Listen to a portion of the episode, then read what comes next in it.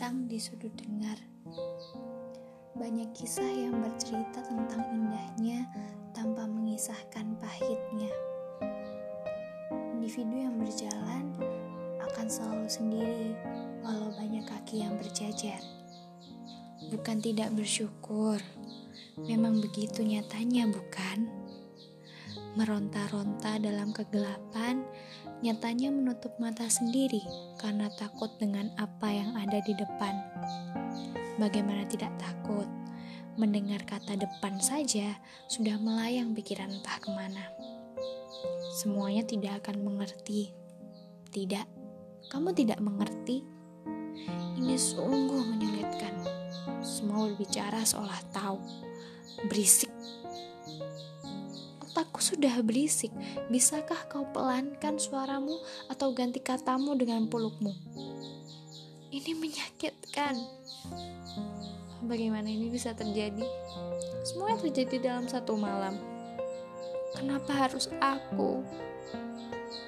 Hidup seperti menaiki roller coaster, permainan yang sangat digemari oleh semua kalangan.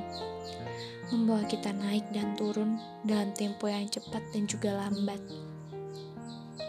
atmosfer ketika di atas yang kita rasakan hanyalah desiran angin yang berembus cukup kencang, tetapi tidak serta-merta menggulingkan kita ke bawah. Justru kecepatan tinggi setelah diam sejenaklah yang mengajak kita turun ke bawah tanah. Tak perlu banyak babi bu, hanya beberapa sekon kita sudah mendarat di tanah. Terlalu rumit bukan?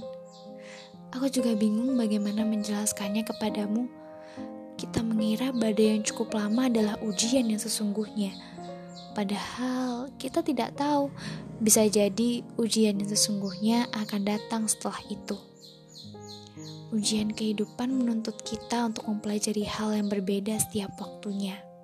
Dan untuk sembuh, um, beradaptasi dengan semua membutuhkan waktu. Sebentar, waktu. Membahas waktu yang terus berputar hanya membuat kita ikut berputar pada pusaran yang sama. Beradaptasi bukan berbicara dengan waktu, tetapi dengan ingin. Sampai kapan bermain dengan waktu yang punya cukup saja tidak? Bayangkan betapa berisiknya otakku, berapa banyak mulut yang berbicara di dalamnya. Bisakah kita menjawab semuanya? Ini menyulitkan, sungguh sulit, bergulat dan sembuh di saat yang sama. Bukankah hal yang tidak mungkin? Menjadi manusia yang banyak maunya sedikit tindaknya. Berbanyak sabar tapi lupa dengan sadar. Itu semua juga percuma. Berubah bukan perihal bermain dengan waktu, tetapi perihal berperang dengan waktu. Selama ini mereka mempermainkanmu.